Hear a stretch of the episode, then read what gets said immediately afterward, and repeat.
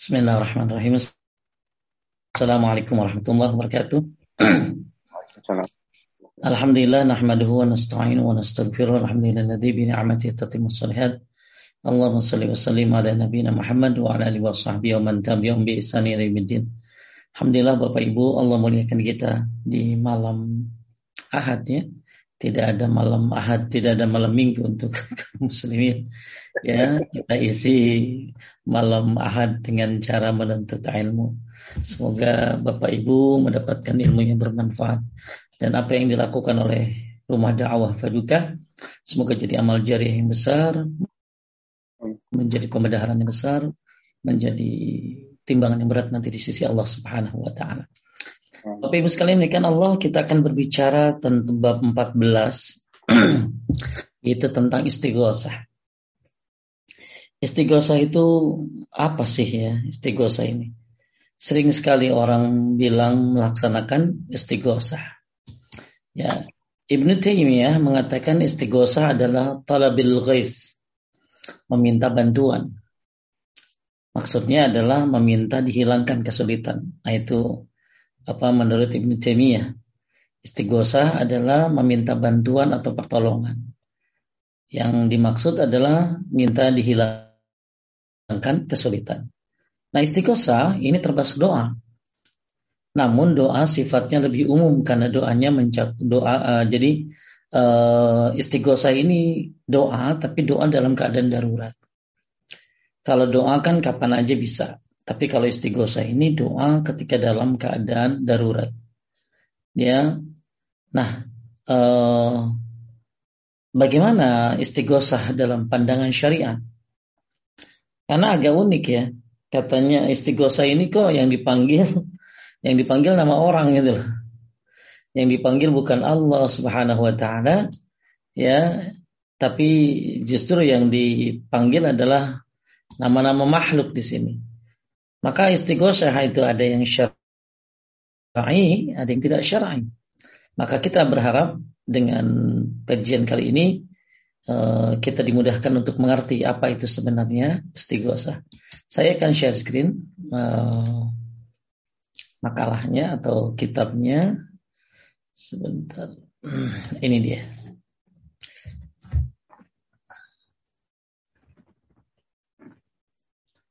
Bab 14. Termasuk syirik istighasah atau berdoa kepada selain Allah. Uh, tadi istighosah menurut Ibnu Taimiyah adalah meminta pertolongan agar segera dihilangkan musibah atau apa pun. Dan perbedaan istighosah dan doa adalah apa sih bedanya antara istighosah dengan doa? Istighosah sendiri adalah doa dari seorang yang berada dalam kesulitan. Nah, ini istighosah. Jadi istighosah itu ya doa juga, tapi dalam keadaan kepepet. Adapun doa maka sifatnya lebih umum, baik dari orang yang kesulitan maupun tidak. Jadi tiap hari kita doa ya.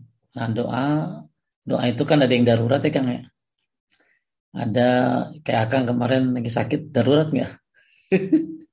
doa darurat itu. Ya doa apa aja doa doa pamungkas dibaca. Ya, masya Allah, alhamdulillah Allah sembuhkan. Jadi istighosa itu doa, tapi doa dalam keadaan sulit. Doa yang berharap segera dikabulkan. Ya, jadi kalau doa bersifat umum, tapi kalau istighosa bersifat khusus. Doa bisa Anda baca kapan saja. Ya, doa itu ada dua. Doa bersifat pujian, doa bersifat permintaan. Kalau doa bersifat pujian ya zikir. Ya, kalau doa bersifat uh, permintaan ya apa pun Anda banyak minta sesuai dengan kebutuhan. Tapi kalau istighosa ini doanya bersifat khusus, maksudnya doa dalam keadaan kesulitan. Baik itu istighosah maupun doa, keduanya merupakan ibadah yang tidak boleh dipersembahkan kepada selainnya. Nah, Kang Rosid kalau doa kan pasti ke Allah gitu lah. Ya. Nah, sama istighosah juga harus ke Allah. Bukan kepada Nyi Roro Kidul, minta bantuan agar itu nelayan selamat. Bukan kepada penghuni gunung gunung apa pun ya agar gunung itu tidak meletus tapi mintanya kepada Allah Subhanahu wa taala. Jadi kita akan belajar bagaimana orang-orang memalingkan istighosah kepada kesyirikan. Baik. Sebab itu apabila amal ini dilakukan bukan untuk Allah semata, semata maka pelakunya adalah musyrik. Apa dalil uh, daripada istighosah adalah ibadah dan satu lagi doa adalah ibadah dan istighosah juga ibadah. Bahkan kalau bisa kata Syekh Nasir Sa'di Jadikan doa itu cara mendekatkan diri kepada Allah. Jadikan doa itu cara untuk mendekatkan diri kepada Allah. Jadi kebanyakan yang ada di pikiran kita ya doa, wah minta kebutuhan. Ya, tapi pernahkah kita berpikir kalau doa ini adalah cara mendekatkan diri kita kepada Allah Subhanahu wa taala. Jadi ini doa jadi sempurna, bukan hanya meminta tapi sebagai cara untuk mendekatkan diri kepada Allah. Nah, kembali lagi karena doa itu adalah ibadah dan istighosah juga adalah doa dalam keadaan kepepet, maka tidak boleh istighosah dan doa disembah dipersembahkan kepada selain Allah. Di antara dalil istighosah adalah ibadah, yaitu firman Allah Subhanahu wa taala tentang perang Badar. Nah, ini. Ini waktu perang Badar ini, Masya Allah ya. Kaum muslimin dalam keadaan jumlah yang sedikit kan. Ya, kaum muslimin itu jumlahnya sedikit pada saat itu dan sedangkan kurang lebih 319 ya uh, sedangkan orang kafir ribuan pada saat itu maka kepepet nggak kang 300 300 lawan 300 lawan 1000 Masya Allah 319 tambah 1000 tentu hal yang sangat luar biasa berarti satu orang harus lawan tiga orang lebih mungkin ya. Nah inilah Nabi akhirnya melakukan istighosah. Berdoa kepada Allah dengan khusyuk dan minta segera dikabulkan. Istas iz tagithuna rabbakum fastajabalakum. Ketika kamu beristighosah mohon pertolongan kepada Rabbmu lalu diperkenankannya bagimu. Baik, eh, sedikit saya berbawa kepada istighosah yang perang Badar itu.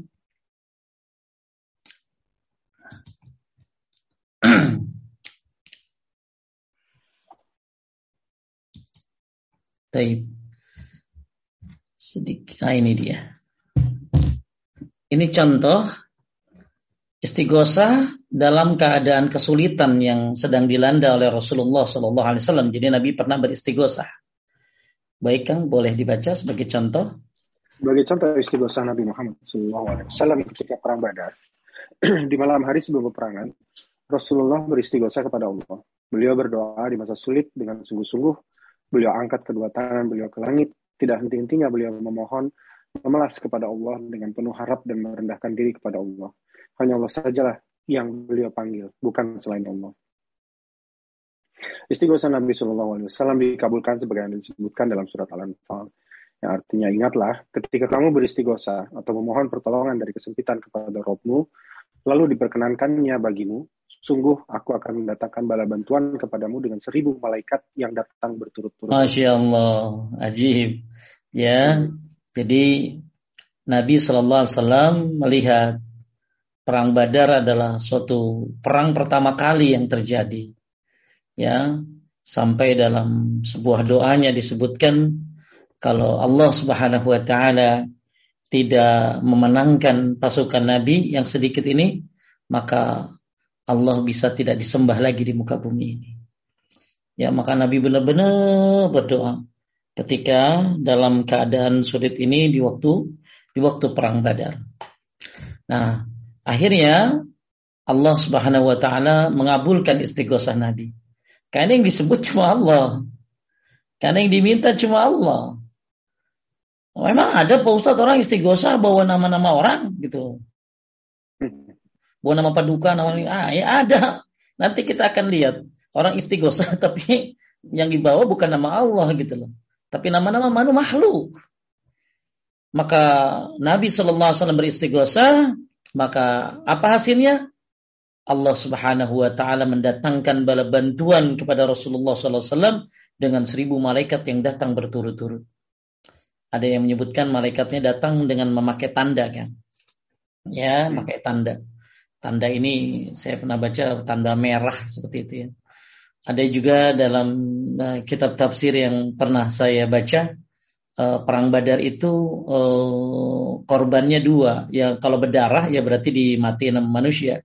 Tapi kalau hangus ya berarti dibunuh oleh para malaikat.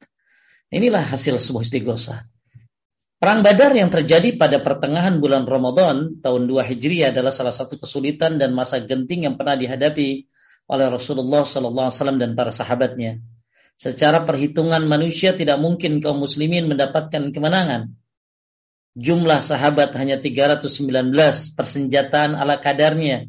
Kendaraan pun terbatas, bahkan satu kuda berserikat untuk tiga orang. Satu kuda barang-barang tiga orang kan. Perbekalan juga sangat minim, bukan untuk sebuah peperangan besar. Berbeda dengan musyrikin Quraisy yang dipimpin Abu Jahal. Mereka keluar dari Mekah dengan membawa arak untuk berpesta. Udah yakin banget pede bakal menang. Jumlahnya seribu. Wanita-wanita mereka bawa untuk menyambut kemenangan. Mereka membawa seribu pasukan lengkap dengan persenjataan, perbekalan, kendaraan, dan segala sesuatu termasuk onta-onta yang sangat banyak ikut mereka giring sebagai bekal. Setiap hari setidaknya 10 ekor mereka sembelih. Ya, jadi dalam melakukan peperangan itu kan pasti ada perjalanan ya kan. Ya, setiap hari disembelih 10 ekor seonta, Masya Allah. Benar-benar masa itu adalah masa yang sangat genting dan sulit bagi Rasulullah Shallallahu Alaihi Wasallam. Dengan segera Rasulullah beristighosa memohon ke, uh, agar Allah selamatkan beliau dari kesempitan maka akhirnya Allah kabulkan doa kekasihnya dan Allah utus ribu malaikat dalam perang Badar. Taib. Uh, bahkan Nabi Shallallahu Alaihi Wasallam kan sampai lama sekali berdoanya. Ya, sampai lama sekali berdoanya. Sampai sorbannya jatuh. Sorbannya jatuh. Ya, saya lupa doa keseluruhannya ya. Tapi di antaranya adalah doa kalau pasukan ini kalah maka engkau tidak akan disembah lagi di muka bumi ini. Sampai akhirnya jatuhlah selendang Nabi, kemudian datang Abu Bakar dan Abu Bakar mengambil selendang Nabi dan mengatakan cukup doanya, doamu ya Rasulullah. Cukup doamu ya Rasulullah. Allah akan memenuhi janjinya. Sadaqallahul azim. Ya Allah berikan uh, pasukan seribu malaikat untuk membantu perang dalam perang badar ini. Inilah sih sebuah istighosah. Jangan main-main dengan sebuah istighosah. Ya, tapi istighosah yang benar-benar. Makanya ada dua syarat istighosah. Perlu diingatkan kepada lanjutkan, perlu diingatkan perlu diingatkan kepada seluruh kaum muslimin bahwa istighosah adalah salah satu jenis ibadah sebagaimana ibadah-ibadah lain seperti sholat, wudhu, zakat, dan lain. Agar ibadah kita diterima, wajib atas kita memenuhi dua syarat ketika menunaikannya.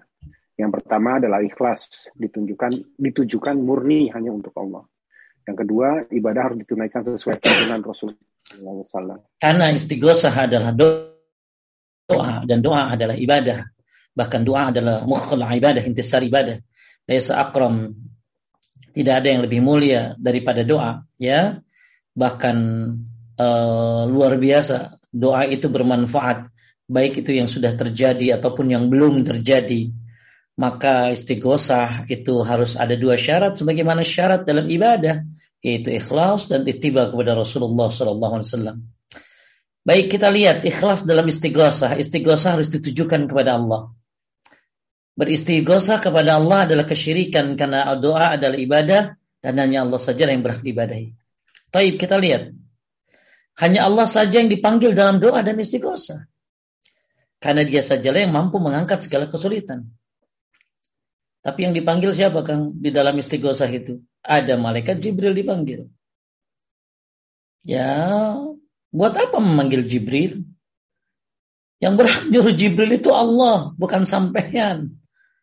Ada lagi Kang malah dalam istighosah memanggil malaikat pencabut nyawa Israel. Gimana kalau dia datang beneran ke hadapanmu lalu kamu dicabut nyawanya? Jadi yang dipanggil hanya Allah dalam istighosah. Kalaupun membaca salawat, kita memulai dengan kalimat Allahumma. Betul?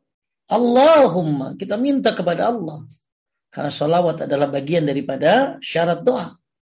Dan itu adalah meminta kepada Allah.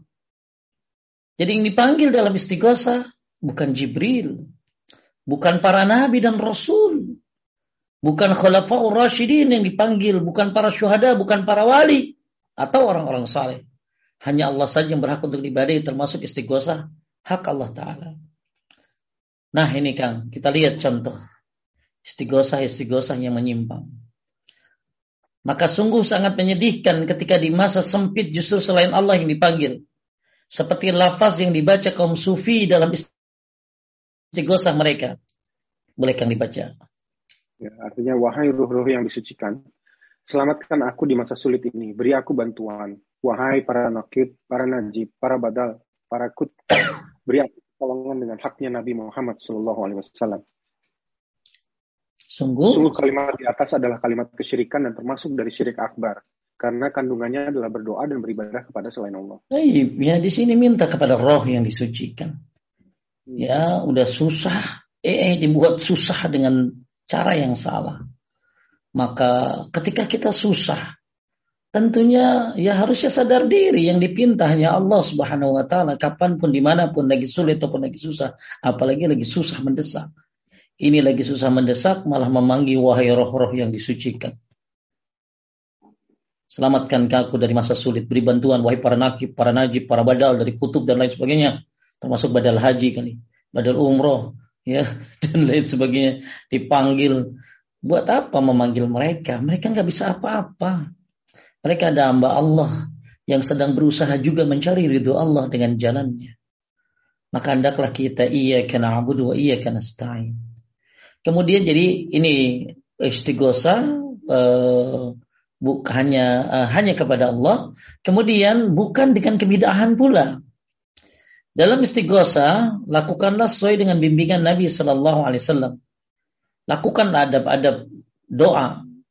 Ya, jadi ketika istighosa bukan hanya meminta kepada Allah, tapi juga lakukan sesuai dengan bimbingan Nabi Shallallahu Alaihi Wasallam. Di antaranya ya bersuci, kan bagus kalau mau doa, sunnahnya salah satunya bersuci. Ya, sunnah dalam berdoa adalah salah satunya adalah bersuci. Menghadap kiblat, mengangkat kedua tangan, awali doa dengan sanjungan dan pujian kepada Allah. Awali juga dengan salawat kepada Nabi Shallallahu Alaihi Wasallam. Mintalah agar Allah selamatkan negeri ini dari wabah dan bala. Mintalah agar Allah membantu pemerintah negeri menempuh apa yang Allah ridhoi. Berdoa dengan penuh harap, hati yang hadir, Berdoalah di waktu-waktu mustajab seperti sepertiga malam terakhir dan adab-adab doa lainnya. Ya, nah ini jadi uh, adab-adab dalam doa dipakai dalam istighosah itu. Ya, karena doa istighosah adalah doa, maka pakailah adab-adab doa. Kan adab-adab doa ini sering kita bahas ini. Kemudian jangan istighosah dicampur dengan tata cara yang tidak diajarkan Rasulullah SAW. Apa di antaranya? Di antara misal istighosa menyelisih sunnah Rasulullah SAW adalah istighosa di makam terlebih makam orang yang diagungkan. Istighosa di kuburan. Ya, menghususkan doa ya untuk yang mati. Di zikir atau salawat tertentu yang Nabi tidak mengajarkan yang tidak menghususkannya. Bahkan ada istighosa yang dibarengi dengan apa Kang? Dibarengi dengan tumbal. Istighosa ya, tapi dibarengi dengan tumbal. Auzubillah ya. De, istighosa dengan apa? Meminta kepada penjaga laut Roro Kidul, menjaga, meminta penjaga gunung uh, agar terlepas dari bencana. Nah, ini termasuk daripada istighosah yang syirik dan apalagi istighosah dibarengi dengan tumbal. Bahkan ada seorang ulama namanya Abu Yazid Al-Bustam rahimahullah mengatakan Istighosah al-mahluk bil mahluk kal istighosah al-gharik bil gharik. Minta tolong lagi ke pepet sama manu sama makhluk itu sama aja minta bantuan orang tenggelam sama orang yang tenggelam kan. ya, ya istighosah ya harus diminta kepada Allah kan Anda dalam keadaan kepepet, kesulitan. Tapi kalau Anda istighosah minta tolong bantuan kepada makhluk apalagi yang sudah mati, maka seolah-olah Anda sedang tenggelam dan minta bantuan kepada orang yang mau tenggelam pula. Ini satu kata-kata yang bagus dari Abu Yazid Al-Bustam tentang istighosah kepada kepada makhluk. Kemudian juga jangan lupa istighosah juga dibarengi dengan ikhtiar, ya kan ya? Ikhtiar seperti apa ya sedekah ya uh, apa jangan apa tinggalkan kemaksiatan dan lain-lain.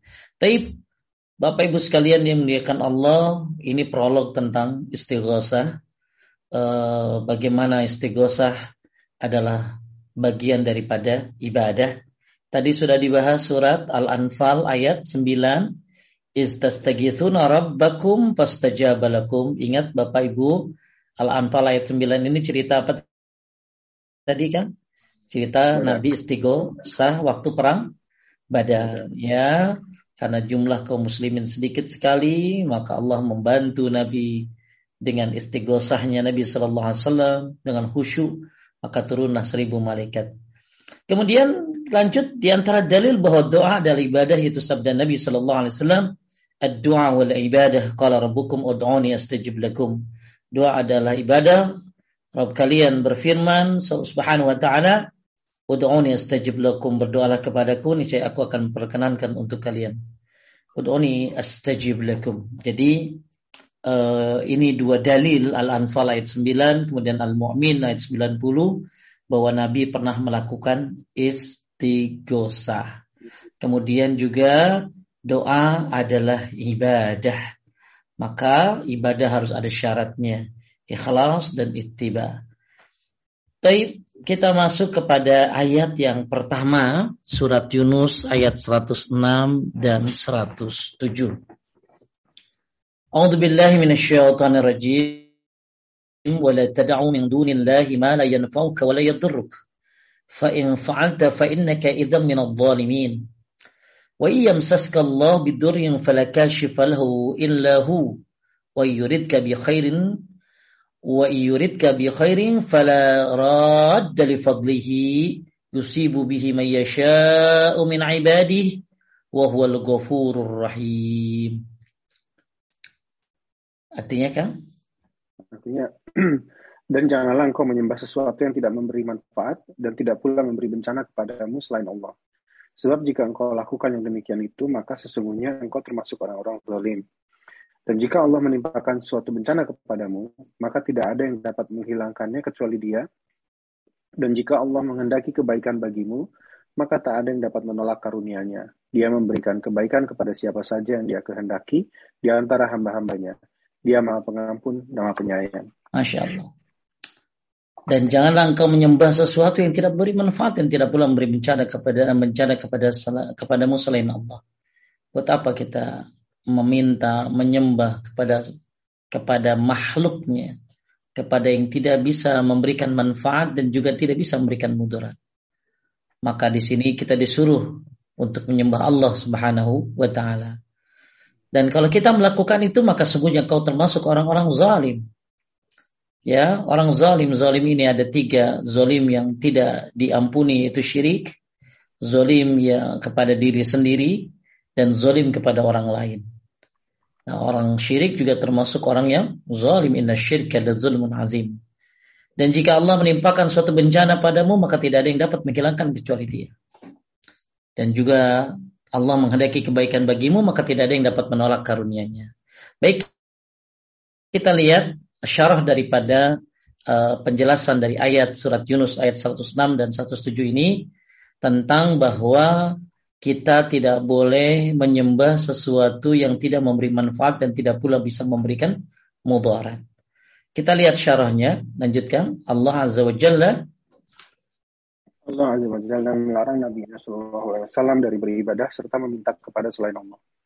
Karena selain Allah Ta'ala tidak mempunyai manfaat dan mudarat bahaya dan Allah telah mengabarkan bahwa jika Nabi Shallallahu Alaihi Wasallam melakukan hal itu, maka akan termasuk ke dalam golongan orang-orang musyrik.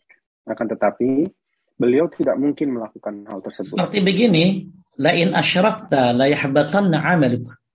Kalau kamu syirik, lau asyraku la habitu anhum makanu ya'malun. Kalau Nabi syirik, maka hilang amalnya. Jadi Nabi aja kan kalau melakukan kesyirikan bisa hilang amalnya. Segitu kekasih Allah. Segitu hamba Allah Al-Khalil. Ya. uh, begitu takutnya terhadap kesyirikan sampai Nabi menganju menyuruh kita untuk baca Al-Kafirun sebelum tidur. Ya, sampai Nabi juga takut para sahabat syirik. Sampai Nabi Ibrahim pun berdoa, ya, wajudubni wa baniyan na'budal asnam, jauhkan diriku dan keturunanku dari menyembah berhala. Mereka adalah hamba-hamba Allah yang soleh, akan tetapi ketika mereka melakukan kesyirikan, makani amadun. Hilang amalnya. Jadi kalau Nabi melakukan kesyirikan, kalau Nabi meminta kepada selain Allah, ya yang tidak punya manfaat dan tidak bisa mendatangkan mudarat, maka Allah mengabarkan bahwa Nabi termasuk ke dalam golongan musyrik dan Nabi termasuk orang yang zalim. Tapi Nabi tidak melakukan itu. Ya, ini hanya penggambaran Kang. Manusia terhebat di muka bumi. Manusia yang menjadi utusan terakhir dari seluruh para nabi. Manusia yang sudah dijamin surga.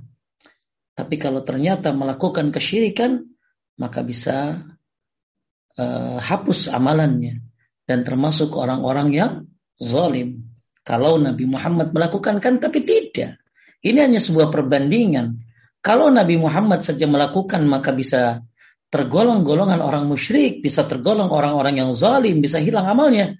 Nah, gimana ente yang ngerjain itu? Ya, jadi Nabi Muhammad aja bisa hapus amalnya. Gimana kita yang amalnya udah dikit, eh pakai dihilangin juga.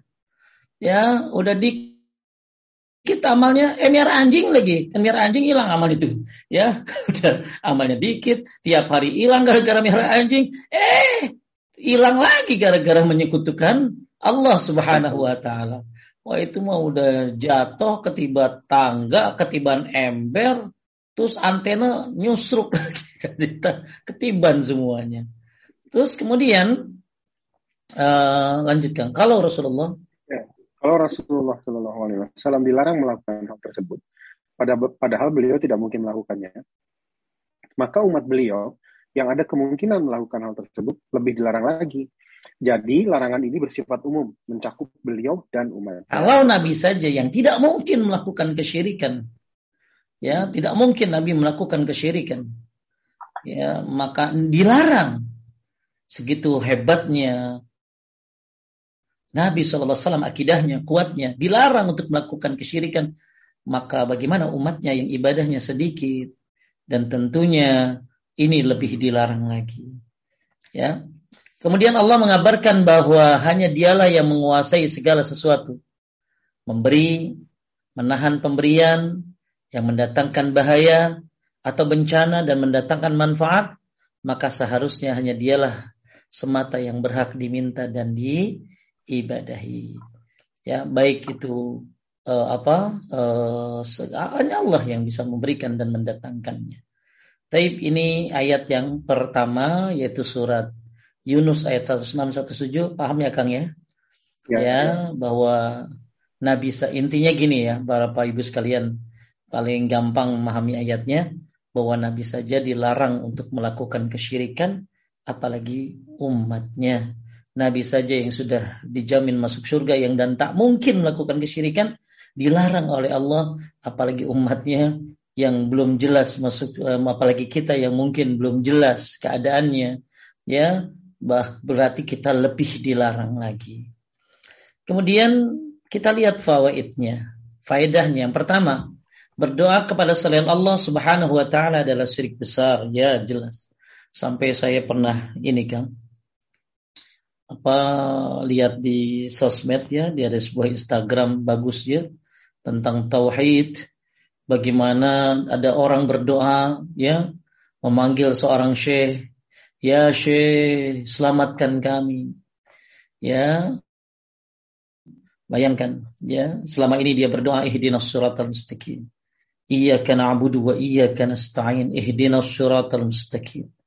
Tapi karena bodoh tauhid, maka doanya yang dia baca setiap sholat iya karena abudu wa iya karena stain ihdinas suratul mustaqim ternyata doanya dia tidak pahami karena dia tidak ngerti tauhid sehingga akhirnya dia memanggil-manggil nama oh ya nama-nama yang tadi saya bilang banyak nama-nama dipanggil ya entah siapa itu yang dipanggil A B C D dan lain sebagainya dan dan berdoa kepada selain Allah adalah syirik besar. Taib yang kedua, lanjut.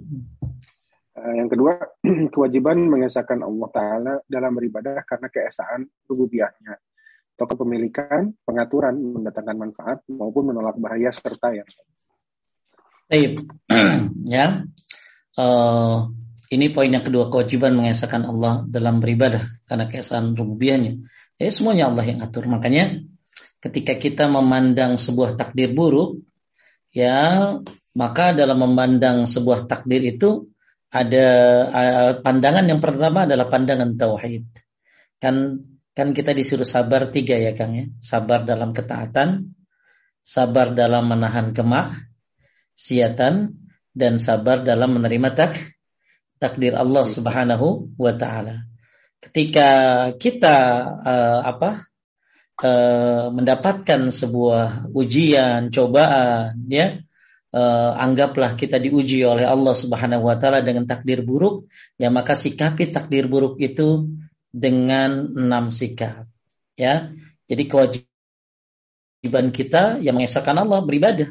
Ya, karena Allah pemilik segalanya, pengatur segalanya, mendatangkan manfaat, menolak bahaya, semua milik Allah. Maka ketika Allah menguji kita dengan ujiannya yang pasti ada hikmahnya, maka pandanglah ujian itu dengan enam enam pandangan. Yang pertama adalah pandangan tauhid. Ya, yang pertama adalah sikapi segala apa pun yang Allah berikan dengan enam enam sikap.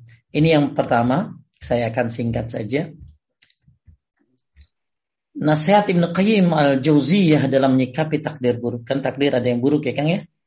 Ya. Yang pertama hendaklah melihat dengan pandangan tauhid.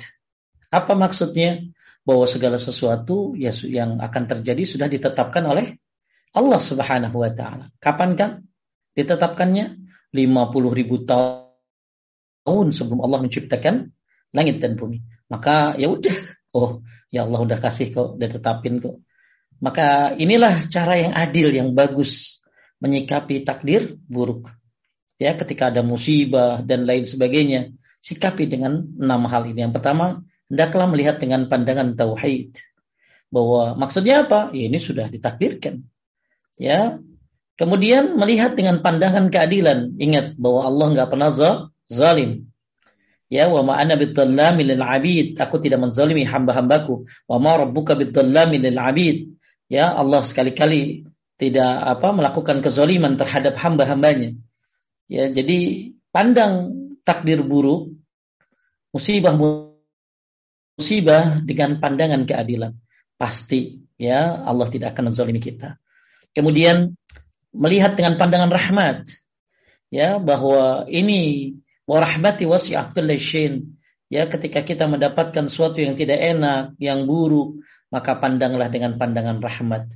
Dan pasti ini rahmat Allah meliputi segala sesuatu. Wa kana bil mu'minina rahima dan dia maha penyayang kepada orang-orang yang beriman. Ini ketika seorang kena musibah atau apa, maka lihatlah dengan pandangan rah, rahmat. Pasti ini salah satu bukti kasih sayang Allah. Ya orang sakit dihapuskan dosanya, ya kan? Karena hanya Allah yang tahu berapa banyak dosamu, ya berapa banyak yang kita lakukan. Maka Allah pun punya cara cara menghapuskan dosa-dosa kita. Maka ketika kita memandang musibah dengan pandangan rahmat, maka akan berprasangka baik kepada Allah Subhanahu wa taala. Kemudian melihat dengan pandangan hikmah, yakinlah bahwa semua ada hik hikmahnya, ya. Kemudian melihat dengan pandangan pujian, ya. Mau, mau kena musibah juga pandanglah dengan pandangan pujian. Katakan alhamdulillah ala kulli hal. Alhamdulillah ala kulli hal. Ya. Terakhir, nah ini dia yaitu melihat dengan pandangan penghambaan dan peribadatan sadar bahwa kita adalah milik Allah. Ya, Allah berhak melakukan apa? Apa saja kepada kita makhluknya. Inilah pandangan penghambaan dan peribadatan. Bapak Ibu sekalian yang muliakan Allah Subhanahu wa taala. Ketika seseorang uh, melihat uh, dalam kehidupannya ada hal-hal yang mungkin baik ya katakan alhamdulillah bi ni'mati tatimmus salihat. dan syukuri apa yang Allah berikan. Manfaat-manfaat nikmat-nikmat yang Allah berikan syukuri dengan cara mengucapkan alhamdulillah dengan cara pergunakan uh, apa nikmat itu dengan untuk kebaikan. Kemudian yakini bahwa ini Allah yang memberikannya. Ya. Kemudian kalau ini memang sebuah keburukan, ya maka pandanglah keburukan itu dengan enam hal tadi ya Kang Rashid ya. Ya, pandangan tauhid, pandangan hikmah, pandangan keadilan, pandangan rahmat, dan kemudian pandangan pandangan pujian, kemudian pandangan yang terakhir adalah pandangan bahwa kita adalah seorang hamba. Allah lebih mengenal hambanya, bahkan daripada ibu kita sendiri. Allah lebih sayang kepada kita daripada seorang ibu kepada anaknya. Kemudian yang ketiga, faidah daripada ayat uh, yang tadi dibahas adalah surat apa tadi itu? Uh, uh, Yunus ayat 106 dan 107 yaitu kerusakan berdoa kepada selain Allah taala karena selain Allah itu tidak mampu mendatangkan manfaat maupun menolak bahaya. Ya, maka orang yang syirik itu adalah orang yang lemah. Bahkan jadi yang disembah lemah yaitu selain Allah, yang nyembah lebih lemah lagi. Bahkan yang menyembah selain Allah seperti diibaratkan dengan sarang laba-laba yang begitu rapuh sekali. Bahkan selain Allah tidak bisa menciptakan walaupun satu ekor lalat saja. Maka ketika ada manusia berdoa kepada selain Allah, dia dia memanggil syekh, dia memanggil siapalah orang-orang yang dikagumi, maka ini termasuk kerusakan dalam berdoa kepada selain Allah Subhanahu wa taala. Kemudian nomor empat, lanjut. Ya, Rasulullah Shallallahu Alaihi Wasallam merupakan manusia yang terbaik. Kalau beliau berdoa kepada selain Allah Subhanahu Wa Taala, maka akan termasuk orang-orang zalim, yakni orang-orang musyrik. Lalu bagaimana dengan orang selain beliau? Baik, tadi sudah kita dibahas panjang lebar. Ya, gimana dengan kita? Kalau manusia terbaik saja bisa bisa termasuk orang musyrik, walaupun nggak mungkin melakukannya, bagaimana dengan kita? Tentunya jauh. Maka orang syirik itu kayak jatuh dari langit kan? Hmm. Ya, orang syirik itu kayak jatuh dari langit. Kemudian dihempaskan oleh uh, dibawa oleh burung, dihempaskan oleh angin, entah ke mana dia pergi. Nah, itu orang-orang syirik. Makanya uh, kalau dilihat bagaimana kedudukan orang-orang syirik ini sangat-sangat rendah sekali. Di antaranya adalah dia bagaikan uh, sesuatu yang yang jatuh dari atas langit seperti ini. Ya, ini surat Al-Hajj ayat 31. Boleh dibacakan. Barang siapa? Nah, barang siapa yang meninggal dunia dan mengetahui bahwa barang siapa yang mempersutukan eh, taib, maaf. Oh, barang uh, sebentar, sebentar. Uh, ke ini. Taib, lanjutkan. Barang siapa? Oh, barang siapa yang mempersekutukan sesuatu dengan Allah, maka ia seolah-olah jatuh dari langit, lalu disambar oleh burung atau diterbangkan angin ke tempat yang jauh. Baik, Masya Allah. Ini syirik membuat dia jauh dari Allah dan merendahkan kemanusiaannya. Makanya hmm. orang syirik itu jatuh banget derajatnya, Kang. Harganya tuh kayak apa ya, Kang ya? Ya. Obral. Ah, orang kagak laku ya. ya. Mungkin kayak jatuhnya kayak jatuh bener-bener jatuh ini. Seperti apa? Seolah-olah orang ya. syirik itu jatuh dari langit. Lalu disambar oleh burung. Lalu ditembangkan angin ke tempat yang jauh. Insya Allah. Begitu rendahnya. Padahal Allah berfirman, Laqad khalaqnal insana fi ahsani takwim. Bukan mana manusia sebaik-baik bentuk. Sebaik-baik makhluk Allah berikan akal. Sumaradatnahu asfala safilin. Kemudian direndahkan pada derajat yang paling rendah. Yaitu neraka jahannam. Manusia adalah makhluk mulia, dia punya akal. Tapi kenapa jadi rendah begini? Tapi kemudian juga bahwa disebutkan uh, mereka orang-orang syirik adalah orang-orang yang termasuk yang tidak bersyukur. Coba bayangkan ya. Kita lihat di dalam Al-Qur'an ya. Uh, Allazi لكم الأرض فراسا والسماء بناء وأنزل من السماء ماء فأخرج به من الثمرات رزقا لكم فلا تجعلوا لله أندادا وأنتم تعلمون Dialah yang menjadikan bumi sebagai hamparan bagimu dan langit sebagai atap. Dan dia menurunkan hujan dari langit. dia memberi menghasilkan dengan hujan itu segala buah-buahan sebagai rizki untukmu. Jadi Allah kasih apa nih? Langit sebagai atap. Allah turunkan hujan buat kita. Allah kasih langit dari langit itu turun hujan, kemudian tumbuh buah-buahan sebagai rizki. Di sini Allah kasih warning. Karena itu janganlah kamu mengadakan sekutu bagi Allah, padahal kamu mengetahui. Ya, bumi Allah Allah kasih padi yang bagus menguning. Lah kenapa terima kasihnya sama Dewi Sri? Ya, Allah kasih lautan yang begitu luar biasa hasil ikannya. Kenapa terima kasihnya? Takutnya menyerah kidul. Nah inilah bahwa orang syirik, orang yang tidak tahu bersyukur, tidak tahu terima kasih. Maka inilah mereka disebut dengan orang bodoh. Ya, kaum tajhalun. Mereka orang yang bodoh, yang tidak mengerti. Ya, bahkan mereka seperti laba-laba. Boleh satu kali dibaca Al-Ankabut 41. Perumpamaan. Perumpamaan orang-orang yang mengambil pelindung-pelindung selain Allah adalah seperti laba-laba yang membuat rumah. Dan sesungguhnya rumah yang paling lemah ialah rumah laba-laba kalau mereka mengetahui. jadi, jadi kalau kita minta perlindungan dari selain Allah kayak bikin rumah tapi dari rumah laba-laba.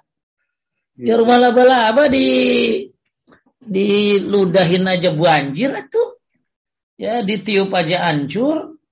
Maka seperti itulah permisalan yang indah dalam surat Al-Ankabut. Masalul ladina takhuzu min dunillahi awliya kama salil ankabut ittakhazat baitan wa inna ahwanal buyut labaitul ankabut law kanu ya'mal ya'lamun. Rumah yang paling lemah adalah rumah laba-laba. Maka siapa yang mengambil pelindung-pelindung selain Allah, beristighosah dengan meminta kepada selain Allah, maka dia seperti membuat rumah laba-laba. Ya, bahkan disebutkan di sini ya. Lanjutkan sesungguhnya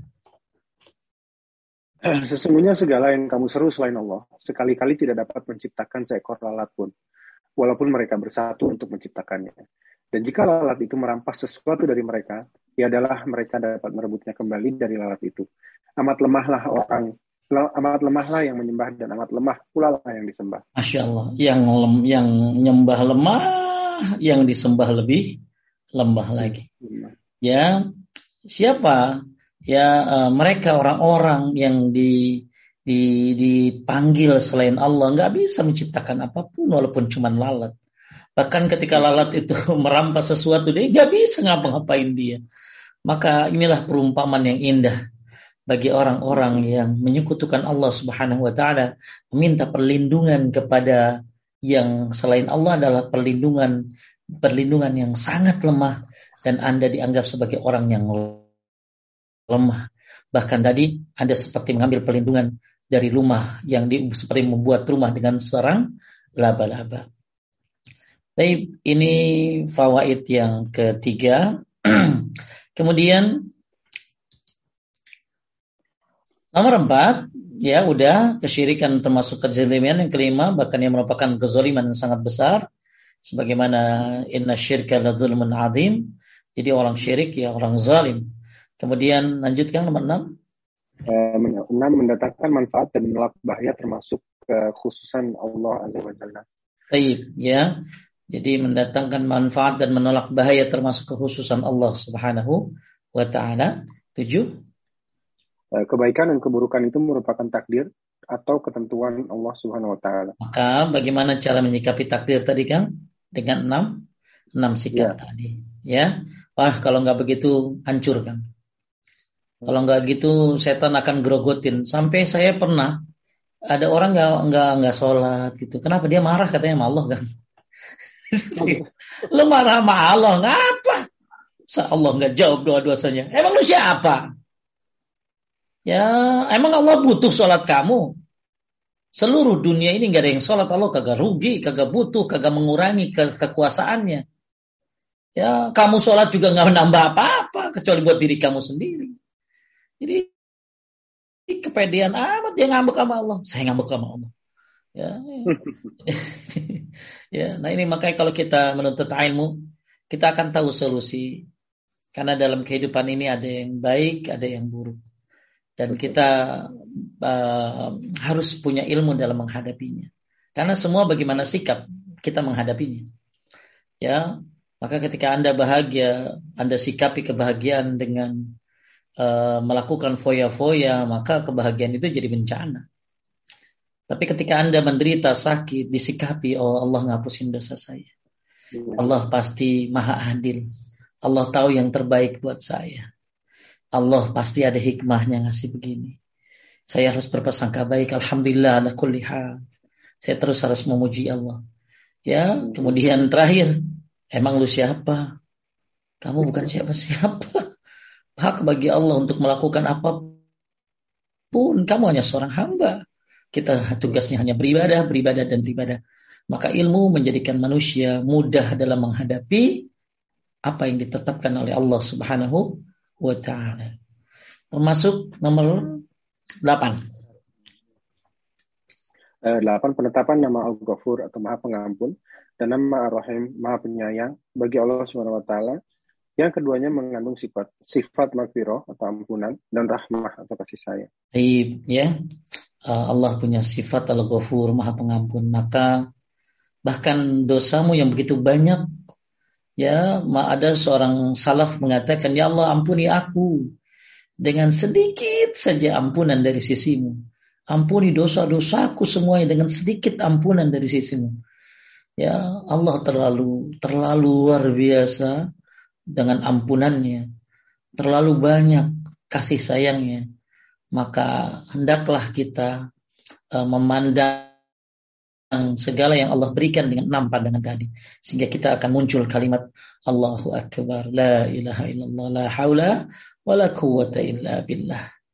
Ya betapa luar biasa hikmah dari sebuah sakit. Coba Kang kita lagi sakit ya. Itu sakit-sakit kayak apa sih kayak bisul gitu aja. Pegang samping-sampingnya enak banget ya kan gatal-gatalnya gitu ya itu enggak enak banget sampai merembelek atau orangnya. Padahal itu ada luka masih ada enak aja digaruk gitu loh. Ya belum lagi kalau dia tahu bagaimana uh, sebuah inti daripada musibah sampai ada sebuah kedudukan yang Allah siapkan. Tapi bukan dengan sholat orang ini kan. Dia dapatkan kedudukan ini. Bukan dengan puasa cuma dengan sabar itu doang. Hmm. dengan sabar Allah sediakan kedudukan tersebut. Ya. Bahkan dalam sebuah riwayat ya uh, siapa yang sabar terhadap kematian orang terdekatnya, Sofiyahu, maka Allah berikan surga kepada orang-orang keluarganya yang sabar tersebut. Bayangin, kita lagi kena musibah masih dapat surga juga gitu. Siap, misalnya ada orang ya, orang tuanya meninggal kemudian dia sabar ini takdir Allah dia apa pokoknya dia dia menerimanya maka siapa yang meninggal Sofiyahu orang-orang terdekatnya ya mau siapa kayak yang dekat pokoknya anak istri suami orang tua meninggal maka Allah bisa berikan dia apa Allah bisa berikan dia surga karena kesabarannya Masya, balasan Allah luar biasa kemudian yang kesembilan Sembilan, penjelasan tentang lemahnya sembahan orang-orang musyrik dan batilnya ibadah kepada sembahan tersebut. Sepuluh. Yang sepuluh, barang siapa yang berdoa kepada selain Allah dengan meyakini dapat mendatangkan manfaat dan menolak bahaya, maka dia telah berbuat syirik eh, berhati-hati ya berdoa kepada selain Allah dan meyakini dia bisa mendatangkan manfaat dan memang dia telah berbuat berbuat kesyirikan. Kemudian kita masuk kepada ayat yang kedua. A'udzu billahi minasyaitonir rajim. Innal ladzina ta'buduna min dunillahi la yamlikuna lakum rizqa. Fabtagu 'indallahi rizqa wa'buduhu washkuru lah ilaihi turja'un. Sesungguhnya apa yang kamu sembah selain Allah, itu tidak mampu memberikan rizki kepadamu. Maka mintalah rizki itu dari Allah. Dan beribadalah kepadanya dan bersyukur kepadanya hanya kepada kamu dikembalikan. Wahai ini tiang.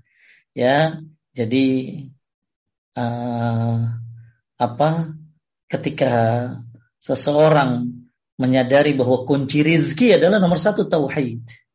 Hmm. Kunci rizki adalah nomor satu tauhid. Maka di surat Al-Ankabut ayat 17 ini kita lihat syarahnya, lanjutkan.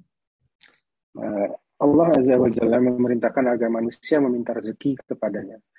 Kepadanya semata tidak meminta kepada patung-patung dan berhala. Allah juga memerintahkan untuk mengesahkannya dalam ibadah, mengakui semua nikmatnya bagi, bagi para hamba dan menggunakannya untuk ketaatan kepadanya dan agar menjauhi maksiat. Lalu Allah Azza wa Jalla mengabarkan kepada mengabarkan bahwa tempat kembali yaitu hanya kepadanya. Dia akan membalas semua manusia sesuai amalannya. Maka wajib memperhitungkan hal tersebut sebelum mereka dihisap oleh Allah. Baik. Jadi ayat ini Al-Kabut ayat 17 semuanya apa yang kamu sembah selain Allah tidak mampu memberikan rezeki kepadamu. Ya. Ya, ini sembah selain Allah tidak akan bisa memberikan rezeki. Ya. Oh, banyak orang yang katanya apa melakukan ini supaya rezeki banyak, lakukan ini. Ngepet lah. Ya, apalagi kang pakai pesugihan lah dan lain sebagainya. Maka apa yang kamu minta kepada selain Allah ya apa yang kamu sembah selain Allah tidak mampu memberikan rizki padamu. Maka nomor satu kunci rizki adalah mintalah rizki itu dari Allah. Ya, fabtagu indallahi rizqa. Mintalah rizki itu dari Allah. Dan kemudian Allah nyuruh apa? Habis minta rizki ya Allah, beribadalah kepadanya. Jadi udah minta rizki ya ibadah gitu loh. Ya, nah ini minta rizki tapi kagak sholat tuh maha ya eh minta rizki tahu-tahu ya banyak amal-amal yang tidak di, tidak di, tidak dilakukan oleh dia maka mintalah rizki itu dari Allah dan beribadahlah kepadanya jadi minta rizki dari Allah kemudian ibadah dirimu kemudian bersyukur kepadanya hanya kepadanya kamu dikembalikan jadi jelas di dalam ayat ini surat Al-Ankabut ayat 17 bahwa kunci rizki itu nomor satu apakah? tauhid. Ya, kurang lebih sebagaimana yang disampaikan oleh Dr. Uh, Fadl disebutkan ya, Dr. Fadlullah menyebutkan kunci rizki. Yang pertama ini nih Kang ayatnya, Al-Ankabut ayat 17 yang tadi kita baca. Jadi kunci-kunci rizki nomor satu ya tauhid. Sebagaimana ayat yang kita baca tadi mintalah kepada rezeki kepada sisi Allah dan sembahlah dia. Bahkan ada satu ayat nih Kang, ya. Allah telah menjanjikan kepada orang di antara kamu yang beriman dan mengerjakan kebajikan bahwa sungguh dia akan menjadikan mereka berkuasa di bumi sebagaimana dia telah menjadikan orang sebelum mereka berkuasa. Jadi Allah bisa kasih kekuasaan nama kita. Sungguh dia akan meneguhkan bagi mereka dengan agama yang telah dirodai. Ya, Nah, ini syaratnya nih. Kalau pengen Allah kasih kekuasaan dan dia benar-benar mengubah Allah kasih keadaan mereka setelah berada dalam ketakutan menjadi aman sentosa. Jadi Allah kasih tiga nih kan, berkuasa, ya, kemudian Allah teguhkan agamanya, kemudian Allah ubah keadaannya. Asalkan ini yang kuning kan, apa? Mereka tetap menyembahku dengan tidak mempersekutukanku dengan sesuatu pun tapi barang siapa yang tetap kafir setelah janji itu maka mereka adalah yang fasik. Jadi Allah berjanji di dalam surat An-Nur ayat 55 akan memberikan kita kekuasaan. Ya, Allah akan mengubah keadaan kita menjadi keadaan yang tadinya ketakutan menjadi aman sentosa. Tadinya keadaan yang penuh dengan keributan jadi keadaan yang enak. Allah akan rubah semuanya dalam ketakutan menjadi keamanan dengan catatan mereka tetap menyembahku dengan tidak mempersekutukan dengan sesuatu apa pun. Jadi sebenarnya ujung-ujung segala sesuatu adalah la ilaha illallah itu ujungnya. Ya Masya Allah ya. Inna Allah la yukhliful mi'ad. Allah tidak akan apa ingkar kepada janjinya. Ini janji Allah. Kalau orang bertauhid kepada Allah, ya, di istiqomah dengan tauhidnya, tinggalkan kesyirikan, Allah kasih kita kekuasaan. Ya, Allah akan rubah keadaan kita dari kesengsaraan menjadi kebahagiaan. Makanya dakwah para ustadz-ustadz yang kata yang yang menyebarkan sunnah nomor satu adalah tau tauhid karena dengan tauhid ini Allah akan berikan kemenangan. Nah ini kunci rezeki yang pertama ini. Nah kalau mau jadi minta hanya kepada Allah. Kalau pengen banyak rezeki, minta kepada Allah. Kemudian istighfar dan taubat baru nih Kang. Nomor selanjutnya nih. Kalau pengen nambah rezekinya banyakin istighfar. Sebagaimana surat Mulai 110 sampai 12. Fakultu astaghfiru rabbakum innahu kana ghaffaran yursilis sama alaikum idrara yumdidkum bi amwalin wa banin wa yaj'alakum jannatin wa yaj'alakum anhara. Allah kasih apa tuh? Allah kasih hujan, ya Allah kasih harta dan anak-anak. Ada orang nggak punya anak kan? Ya, anak kan rizki dari Allah. Saya bilang istighfar yang banyak. Udah tat kurang banyak. Kan orang suka gitu disuruh teh. Udah tat kurang banyak. Alhamdulillah, masya Allah Allah kasih dia anak-anak. Ya, uh, ini istighfar dan taubat. Terus kemudian takwa. Nah, nih baru tuh. Ini ini ibadah nih, Kang. Jadi kan tadi Allah suruh di sini kan mintalah rizki di sisi Allah dan sembahlah dia dan bersyukurlah kepadanya. Berarti setelah rizki diminta kepada Allah tidak menyekutukannya, tidak syirik, ya Anda banyakkan istighfar dan tobat. Ini kan ibadah nih. Ya, makanya kunci rizki kata Ibnu Qayyim al-Jauziyah di antaranya adalah istighfar di waktu sahur. Ya, wal mustaghfirina bil ashar, banyak beristighfar di waktu sahur. Banyakin istighfar. Orang istighfar tahunya cuma ngampunin dosa doang kan. Istighfar itu kunci rezeki, bro. Istighfar itu kunci rezeki. Ya.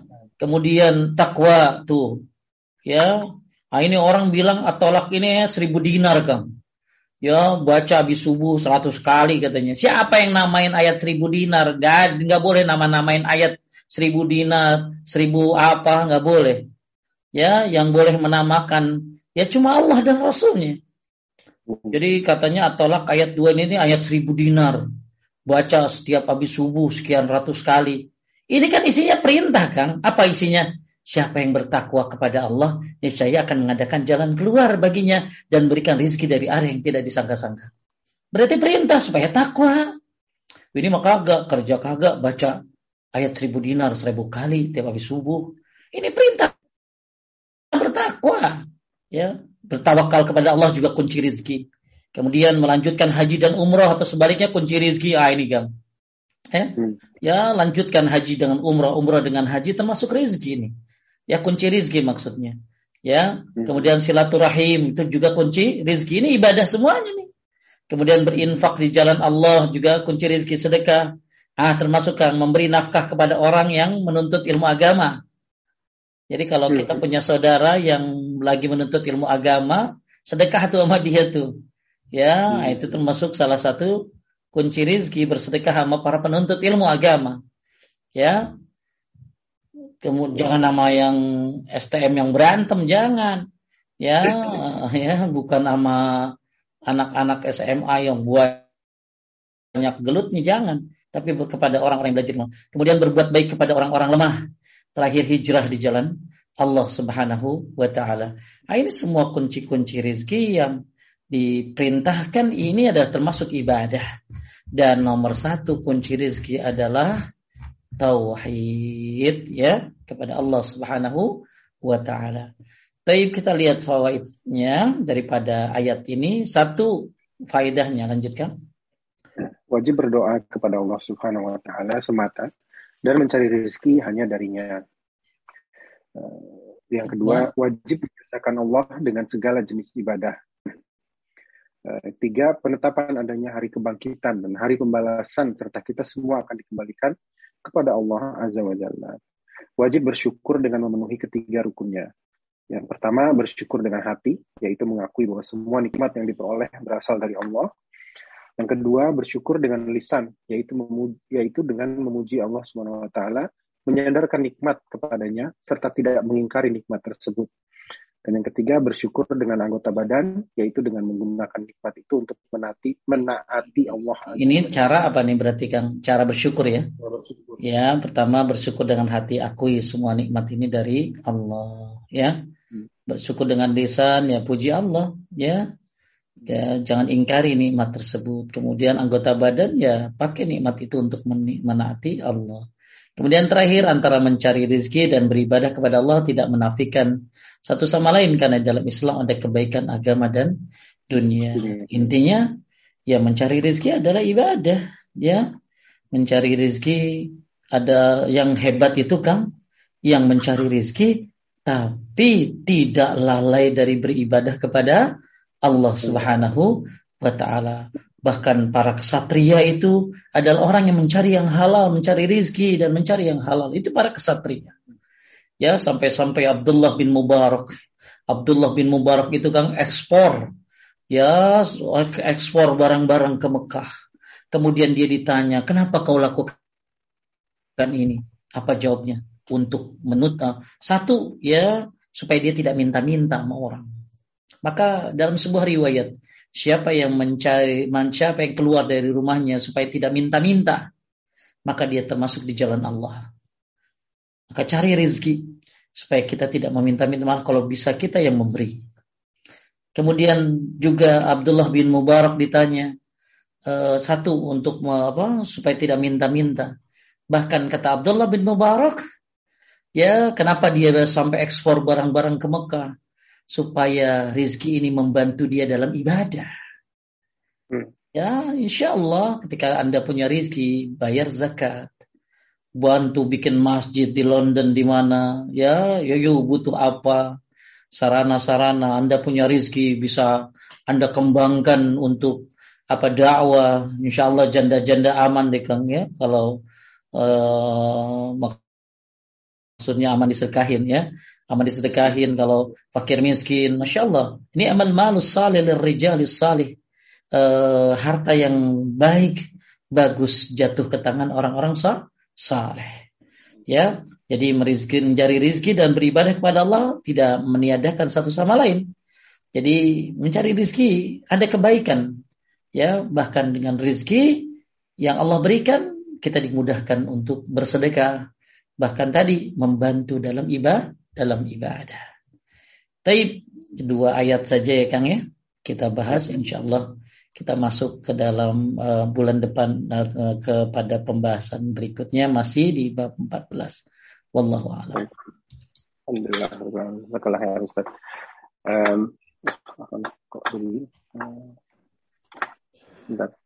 Saya ingatkan kembali jadi untuk pertanyaan sesi tanya jawab silakan untuk yang bertanya langsung kita akan angkat tangan uh, untuk yang mau meniti pertanyaan silahkan ke kirim message ke admin Fabiola atau lewat WhatsApp. Baik. Ini ada nggak banyak pertanyaan yang masuk hari ini uh, malam ini ada beberapa pertanyaan. Baik. Bismillahirrahmanirrahim. Yang pertama, Assalamualaikum Ustaz. Apakah dalam melakukan istighosah kita sebaiknya melakukan sendirian atau bareng-bareng dengan banyak orang? Ustaz? Taib, ya melakukan istighosah yang dilakukan oleh Nabi padahal ada 300 orang berapa Kang tadi? 319 ya tapi Nabi melakukannya sendi sendiri. Ya tapi kalau misalnya ada orang yang lagi istighosah dan berdoa kemudian dia mengaminkan nah misalnya saya lagi istighosah akan dengar doa saya maka akan mengaminkan maka ini dibolehkan. Sebagaimana kisah Musa dan Harun yang Allah kabulkan. Jadi Musa berdoa Harun yang mengamin mengaminkan. Ya jadi uh, uh, Nabi Shallallahu Alaihi Wasallam melakukan sendirian ya melakukan sendirian. Sampai tadi ya jatuh sorbannya. Abu Bakar mengambil sorbannya. Dan uh, ke, uh, di, uh, sendirian yang dilakukan oleh Nabi. Jadi Anda istighosah tuh nggak harus ngumpul rame-rame kan di tempat mana ya. Malah di Monas. Ngapain? Ini mau demo istighosah apa mau demo? Ya ya istighosah ya di sepertiga malam Kang ya Ya, istighosah itu di waktu sujud, setiap sujud sebelum salam. Lakukan sendirian saya lebih lebih cocok ya. Tapi kalau ada yang berdua misalnya, sebagaimana Nabi Musa berdoa kemudian Harun mengaminkan, maka ini dibolehkan ya. Allah a'lam. Lanjut.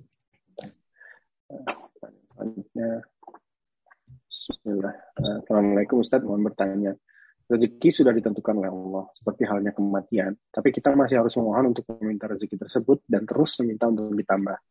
Ini nggak apa-apa ya Ustaz? Nggak apa-apa, masalahnya kita nggak tahu sampai mana batasannya, betul kan? Ya. ya kan Allah udah kasih kita.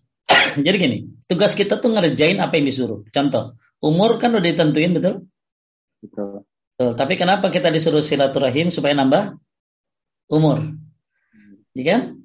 Maka ya kerjakan saja apa yang diperintahkan. Ya, termasuk kata Syekh Fauzan, ya kerjakan saja. Apa yang diperintahkan oleh Allah Subhanahu wa taala kerjakan saja.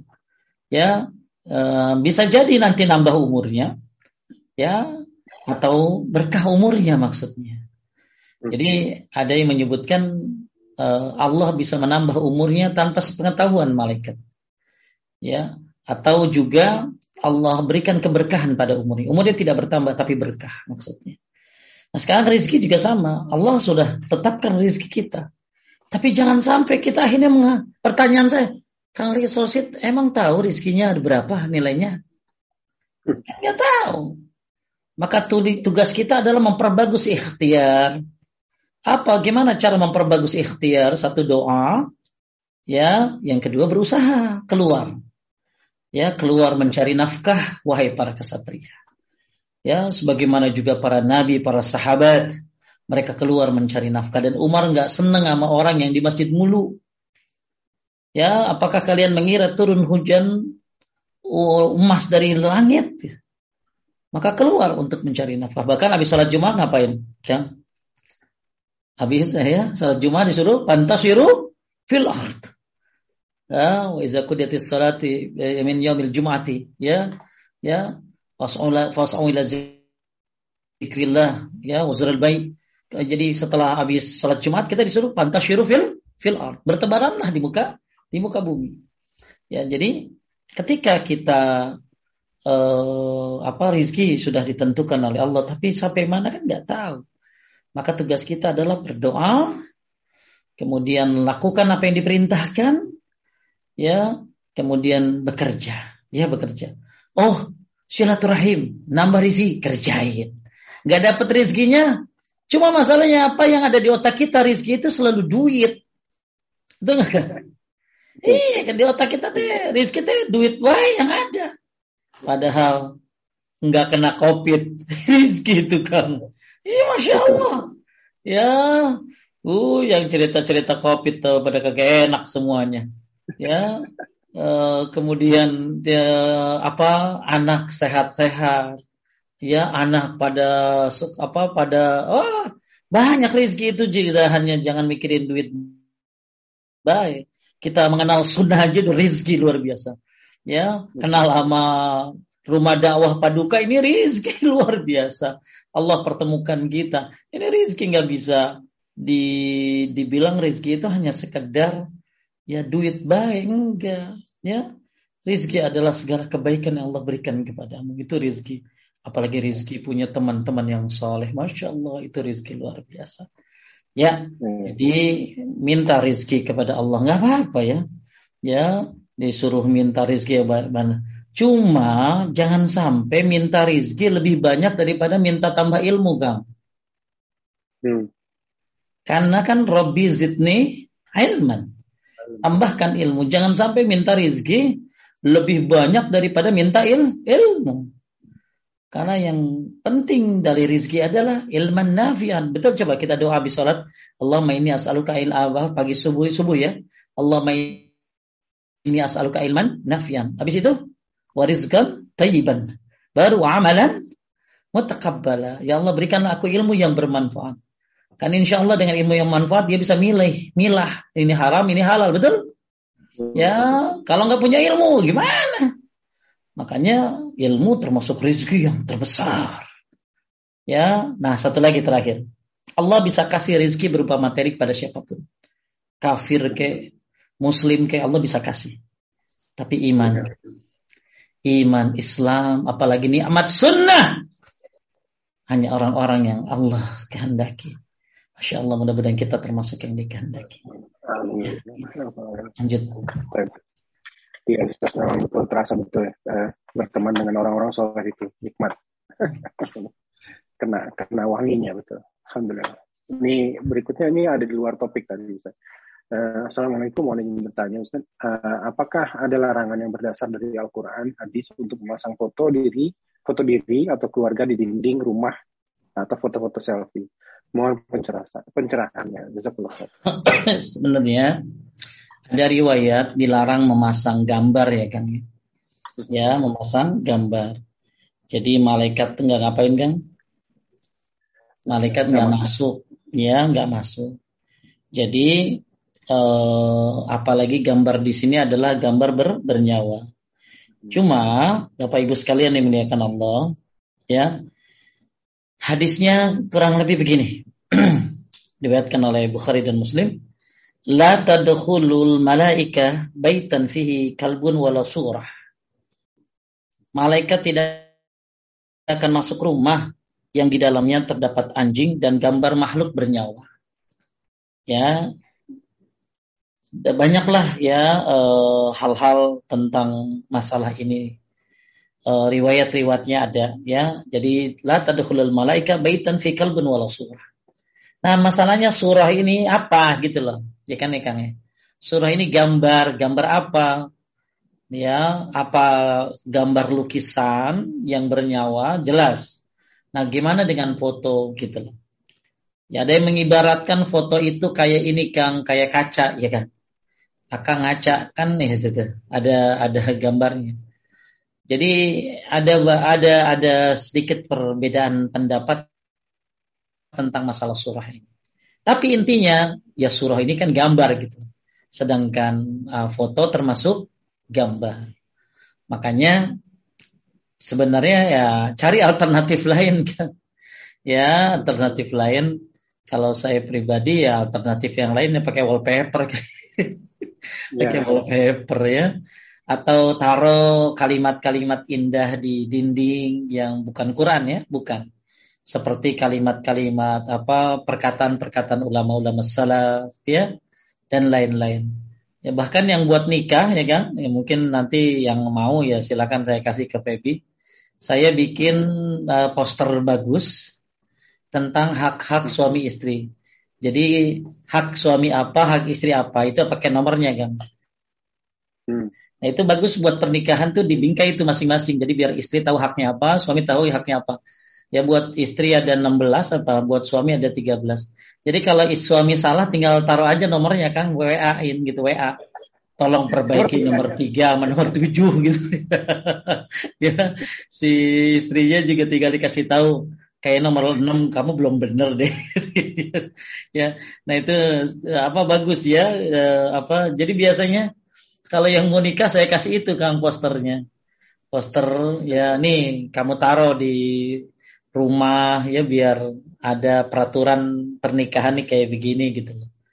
Jadi ibu kembali lagi kepada hukum masalah gambar.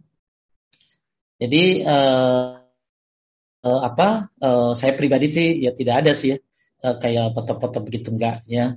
Lagian bosen lihat foto saya mulu tiap hari gitu. itu ya uh, ya udah jadi hadisnya itu tadi ya. Hadisnya malaikat tidak masuk ke rumah yang di dalamnya terdapat anjing dan gambar makhluk bernyawa. Ya taib itu aja. Uh, apa sebelum sebelum ke yang lain itu kalau gambar gambar uh, yang bernyawa itu misalnya gambar orang tapi sepotong gitu cuman setengah gitu jadi kalau selama masih ada palanya, kalau mau dihilangin palanya atau ditutupkan. Ya, oh, gitu. makanya kartun-kartun yang sunnah itu suka dihilangin matanya. Ya, ya. dihilangin matanya, mulutnya karena ciri khas manusia kan ada di situ tuh. Ya, mata, mulut, nah itu dihilangin biasanya. Wallahu ya. ya. Ini ada nanti Kang di bab bab jauh ya, bab 20-an. Uh, di di bab itu nanti. Tujuannya apa ditaruh di bab belakang? Biar orang tuh ini dulu yang dipelajarin deh gitu loh. Jadi kadang-kadang ya. ada yang lari karena gara-gara gituan doang, Kang. Ah keras banget, masa kagak boleh begitu. Makanya ditaruh di bab 20-an nanti gitu loh. Udah tiga tahun belajar tauhid, baru akan akan oh nggak boleh. Karena kalau yang baru kadang-kadang mikir Kang kayak gini teh. Gitu ya makanya Iya. Aduh, berat amat sih gitu loh. Saya kesanggup dah gitu loh. Ya sampai yeah. sampai ada ada ada apa ya? Ada kalimat yang keluar kalau kalau gini wah, intinya aduh kok gini ya, gini ya gitu ya. Jadi makanya pertanyaan-pertanyaan seperti ini uh, ada bahasannya tapi nanti di bab 20-an kan. Ada di kitab tauhid kan. Nanti oh. ada Ya di kitab tauhid itu di bab 20-an, 30 saya lupa lah pokoknya. Coba akan lihat nanti di bab berapa gambar bernyawa itu ada. Ya tujuannya apa? Ini bab 14 aja 1 sampai 14 nih kuatin dulu gitu loh. Kuatin semuanya. Nanti makang kalau udah kuat semuanya bagus pondasinya jangankan foto foto dia Kang ya. Foto suaminya aja bisa ditaruh gitu loh. karena karena udah kuat pondasinya. Nah, ini kadang-kadang ya pertanyaan-pertanyaan seperti ini eh, kadang orang suka nggak kuat kayak gitu ya. Padahal ya ada dalilnya ya karena orang makanya kenapa penting belajar tauhid dulu, akidah dulu. Karena dia bisa sami'na wa ta'ala dengan mudahnya. Ya, nah ini mudah-mudahan ibu-ibu sami'na wa ta'ala. Ya, lanjut. Bab babnya bab 61 Ustaz. Berapa? 61 Ustaz. 61. Ya, masih lama itu. Masih lama banget. Ya, saya lupa pokoknya ada di bab kitab tauhid ini. Saya cuma bab 61 jauh banget ya. Oh, di bab 14. Jadi ibu sabar aja dulu ya. Kalau memang mau dicopot dicopotin bagus ya. Nah, intinya kita coba memperkuat yang fondasi-fondasi dulu ya. Lanjut. Baik, ini ada pertanyaan yang sesuai topik balik uh, baru masuk Ustaz. Uh, Assalamualaikum Ustaz, bagaimana mengetahui taubat kita sudah diterima oleh Allah atas kesyirikan yang pernah dilakukan karena kejahilan masa lalu? Satu-satu Bagaimana bilang? Ya. Yang pertama, taubat kita diterima, tandanya satu kita tidak melakukan lagi. Itu di masa yang akan datang kita berhenti, nyesel dan tidak melakukan lagi. Kemudian tanda tobat kita diterima ada kemajuan dalam masalah agama. Jadi salah satu jadi salah ketika kita tobat diterima ya berarti dia memperdalam agama dong. Ya gitu. Jadi bukan hanya nyesel, berhenti dan tidak mau melakukan lagi, tapi dia mulai belajar agama. Hmm. Khususnya belajar tau tauhid. Maka e, taubat kita ya sudah diterima atau belum maka tadi pastikan Anda satu sudah bertobat, nyesel, nggak melakukan lagi, baik di masa yang akan datang. Yang kedua, buktikan dengan amal soleh dirimu. Salah satunya adalah dengan cara menuntut ilmu agama. Ada perkembangan dalam ilmu agama.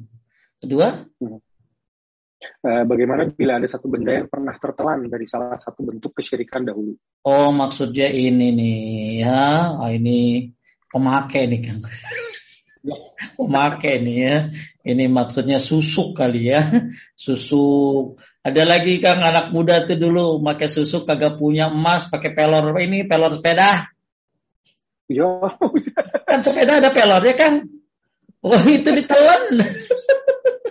ya, ya Allah, emang kagak punya ya duit emas kagak punya buat susuk pakai pelor ya. ya. Jadi kalau memang pernah ada yang tertelan, ya, terus ibadah yang bagus, tauhid yang bagus, zikir pagi sore yang rutin, bismillah insya Allah keluar sendiri. Ya, mungkin lagi nanti lagi buang air besar keluar ya. Yang penting ah ada ibu-ibu Kang luar biasa. Kalau ngaji tauhid itu panas badannya. Ya kepanasan kayak orang apa? Ini dia ngaku sama saya Ustaz kalau saya ngaji tauhid panas badan saya gak enak. Ternyata di tubuhnya yang banyak susuk kata dia. Hmm. Masya Allah perjuangan ibu itu luar biasa. Dan alhamdulillah dia bisa lewatin itu. Padahal susuknya banyak banget di dalam kan. Jangan Anda keluarkan lewat dukun yang Anda masukin tadi, jangan. Ya, hati-hati. Ya, hmm. Anda akhirnya balik lagi ke dukun minta dikeluarin, jangan. Ya, kalau nggak keluar juga dan merasa merasa menderita, ah rukyah. Ya, rukyah. Ya, insya Allah. Uh, tapi insya Allah kalau dia jikir pagi sorenya bagus, keluar sendiri kan? Ya, keluar sendiri insya Allah. Lanjut. Uh, yang terakhir, bila sudah bertaubat, apakah masih ada pengaruh terhadap jasad atau pengaruh pada berkurangnya ibadah setelah bertaubat? Ada dosa yang diakibatkan karena ada pengaruh di masa tua dari dosa-dosa yang kita perbuat. Ada memang setahu saya itu perkataan dari Ibnul Jauzi. Jadi intinya dosa-dosa itu bisa saja berpengaruh di masa tua. Tapi insya Allah kalau kita sudah taubatan nasuha, ya Allah tutup buku semuanya dosa-dosa itu. Bahkan anak-anakmu pun nggak tahu kalau kamu begitu gitu. Ya Allah bersihkan namamu ya maka tutupi aib orang lain Allah akan tutupi aibmu. Jadi kalau sudah bertobat bahkan Al-Furqan ayat berapa? 70 ya. Allah akan yubadil apa? Allah akan ganti ya dosa-dosamu itu ya. Allah akan ganti dosa-dosa itu uh, dosa-dosamu itu Allah akan ganti menjadi apa? Menjadi menjadi keba, menjadi pahala. Ya, jadi Kalau udah tobat nggak usah pikirin terlalu jauh ya Kang. Nanti gimana? Nanti gimana? Nanti nah, ah ya jangan ah, udah tobat aja dulu kerjain ya masalah nanti Allah apain ya terserah Allah dong kan situ hambanya ya Allah pasti punya punya pandangan keadilan Allah punya hikmah jadi jangan mau mau pokoknya kalau udah gue tobat beres semua, nggak ada masalah gitu loh. Ya kita nih nggak tahu loh apa dosa-dosa yang belum ternyata belum dibersihkan. Maka kita dikasih sakit, kita dikasih uh, macam-macam cobaan, itu kan ngapusin dosa. Jadi ketika anda pengen tobat jangan terlalu banyak mikir. Aduh, aduh nanti nanti gimana ini? Udah tobat aja. Tapi yang benar-benar nasuha, pelajari agama dengan benar, amal soleh yang benar. Ternyata masih juga Allah kasih hukuman. Itu hak Allah. Mungkin ada karena hukuman itu kan bisa bukan hanya ngapusin dosa tapi naik derajat bisa-bisa. Ya. Hmm. Jadi udah tobat aja dulu, tobat ya, jangan mikirin nanti diapain. Ya. Jalanin aja. Ya, ternyata kejadian itu hikmah Allah. Pasti ada ada ada ada hikmahnya. Lanjut. Uh, Bismillah, mohon pencerahannya Pak Ustadz tentang doa ibu. Saya pernah dengar doa ibu untuk anaknya tidak dikabulkan apabila anak tersebut tidak meminta doa kepada ibunya. Apakah betul Ustaz? Ini dengar dari mana? Jadi doa ibu tidak dikabulkan kalau anak tidak minta kepada ibunya. Enggak, enggak begitu. Ya, enggak begitu. Ya, susah amat doa anak kudu minta, mami doakan aku agar aku diampuni. Terus maminya baru berdoa gitu. Oh, nggak begitu atuh.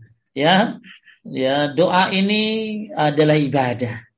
Maka nggak perlu izin dalam minta doa. Saya mau doain Kang Rosid. Kang Rosid izin ya saya doain ya. ya, nggak nggak begitu ya. Jadi nggak ada syaratnya. Nggak ada syarat doa kalau syarat doa itu minta izin sama ibunya didoain gak ada. Jadi syarat doa itu hamdalah. Syarat doa itu sholawat.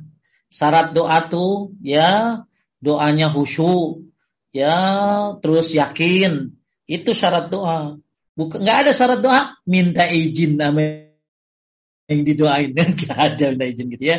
Ya, dah lanjut. Uh, yang sekarang di luar topik nih, Ustaz agak panjang nih. uh, Assalamualaikum Ustaz. Uh, Afwan pertanyaan di luar tema.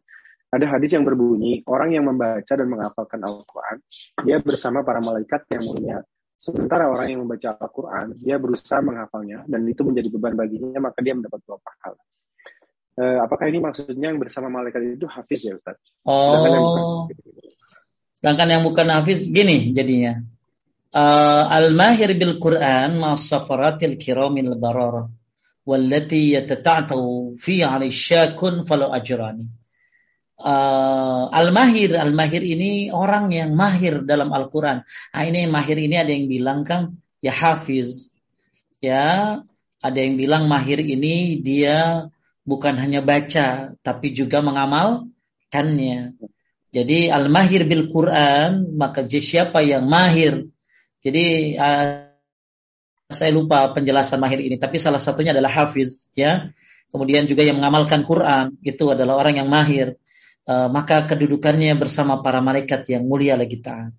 Sedangkan orang yang walladhi yatata'a itu yang kesulitan kan. Kesulitan baca. Kesulitan baca ya bacanya masih terbata-bata maka dapat dua paha dua pahala ya berarti ya baru belajar, baru belajar. Ini sebenarnya dalil semangat kalau belajar Al-Quran. Ya, selama dia belajar, ada gurunya, ada tuntunannya, maka satu kesalahan, dua kesalahan, insya Allah dimaafkan. Ya, karena ada orang yang suka nakut-nakutin, lu kalau baca Quran salah dosa lu gitu loh. Ya, akhirnya dia kagak belajar. Ya, nggak apa-apa salah kalau dia dalam metode pembelajaran gitu loh. Ya, lanjut. Uh, satu dari yang sesuai topik ini. Bismillah izin bertanya.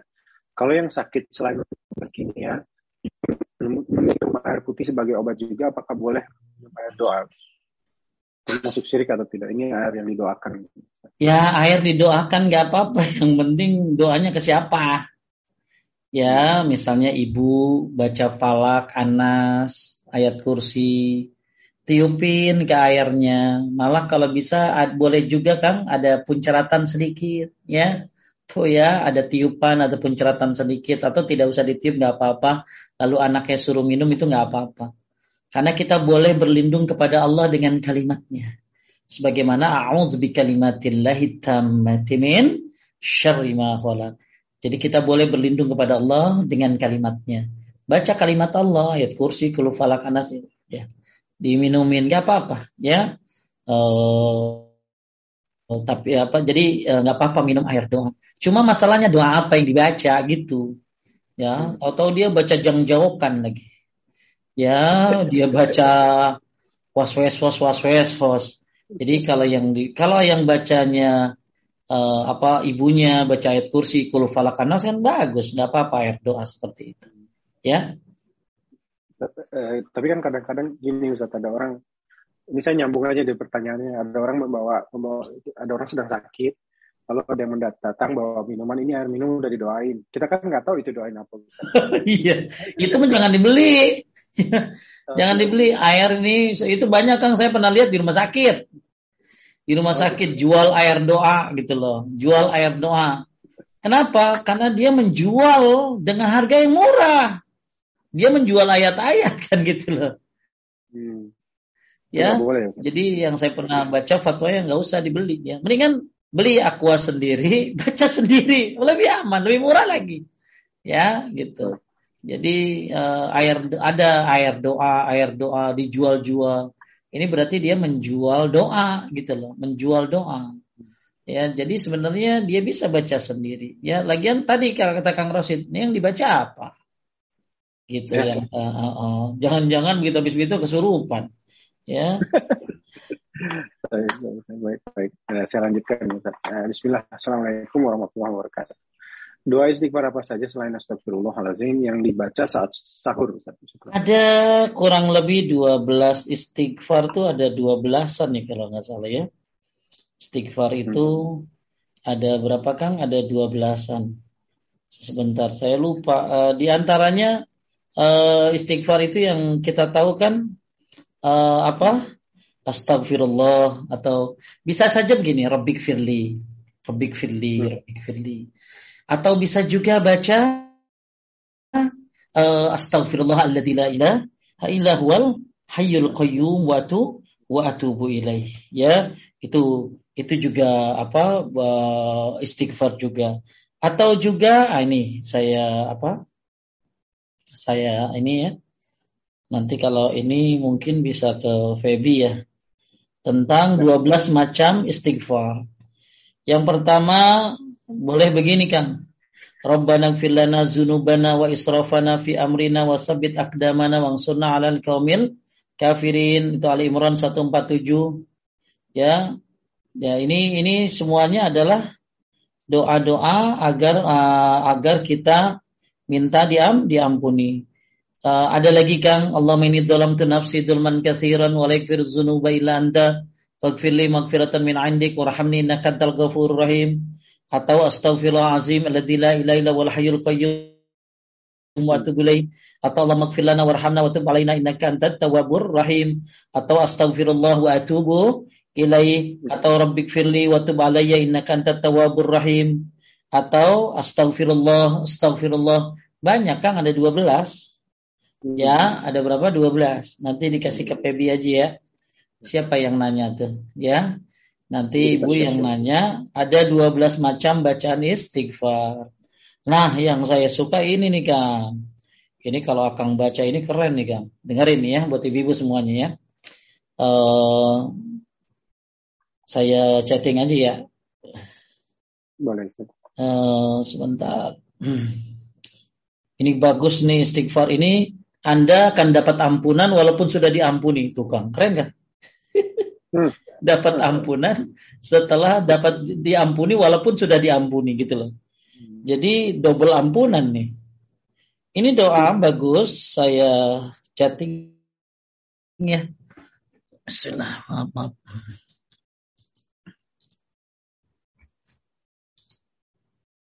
Sebentar, ini dia. Ibu-ibu, ini bagus dibaca ya. Mudah-mudahan jadi amal apa? Uh, jadi penghapus dosa. Saya tuh everyone in meeting. Taib lihat di chatting. Bisa kebaca kan? Coba. Ya, betul. Doa yang jika uh, doa Nabi Sallallahu maukah kau beritahu doa yang jika kau ucapkan saya Allah akan mengampuninya. Maukah ku beritahu beberapa kalimat yang apabila engkau mengucapkannya maka Allah akan mengampuni dosa-dosamu meskipun engkau telah diampuni. Jadi Allah ampuni dosamu walaupun kau telah diampuni. Masya Allah. Ya, ini double nih, double ampunan. Apa itu? La ilaha illallahul aliyul azim. La ilaha illallahul hakimul karim. La ilaha illallah subhanallah rabbis samawati sab'i wa rabbil arshil azim. Alhamdulillahi rabbil alamin. Ya, ini dalam kitab Sahih Jami' Sagir wa ziyadatuh. Jadi siapa yang baca ini Allah ampuni dosamu meskipun kau telah diampuni. Ini bagus nih kan? Bagus ya dibaca nih ya. Uh, supaya kita diampuni dosanya oleh Allah Subhanahu wa taala walaupun sudah diampuni. Jadi kalau masalah istighfar banyak banget modelnya yang di waktu sahur ya bisa juga baca Sayyidul Istighfar ya dan lain-lain termasuk baca yang ini ya. Untuk yang 12 itu nanti saya kasih ke Feby atau ke tim Paduka insya Allah. Ya, Lanjut. Uh, ini pertanyaan terakhir untuk malam ini Ustaz. Uh, Bismillah. Saya pernah dengar bahwa gambar yang timbul yang tidak boleh. Gambar yang timbul yang tidak boleh. Kalau foto kan rata, tidak seperti anjing dan patung-patung yang bernyawa. Berarti saya salah ya Ustaz? Iya, karena kan yang disuruh itu gambar, bukan Nabi nggak bilang gambar timbul, nggak bilang gambar tombol. Jadi intinya yang disuruh adalah gam gambar. Ya, lebih berat lagi sebenarnya kalau patung, Kang, gitu loh. Paham ya? Ya, gambar aja nggak boleh apalagi Pak patung. Ya, mudah-mudahan di bab 60 deh Kang ya. Sabar dulu benerin dulu akidahnya ya tapi kalau memang mau melakukannya lebih cepat lebih baik. Tapi Bapak Ibu saya berharap Bapak Ibu semuanya sabar dalam belajar ya apalagi belajar akidah ini ya butuh benar yang namanya ilmu jadi nanti begitu nerimanya akan mudah akan mudah kalau akidahnya sudah bagus insya Allah. Habis Kang ya? Habis Ustaz. Alhamdulillah. Ayo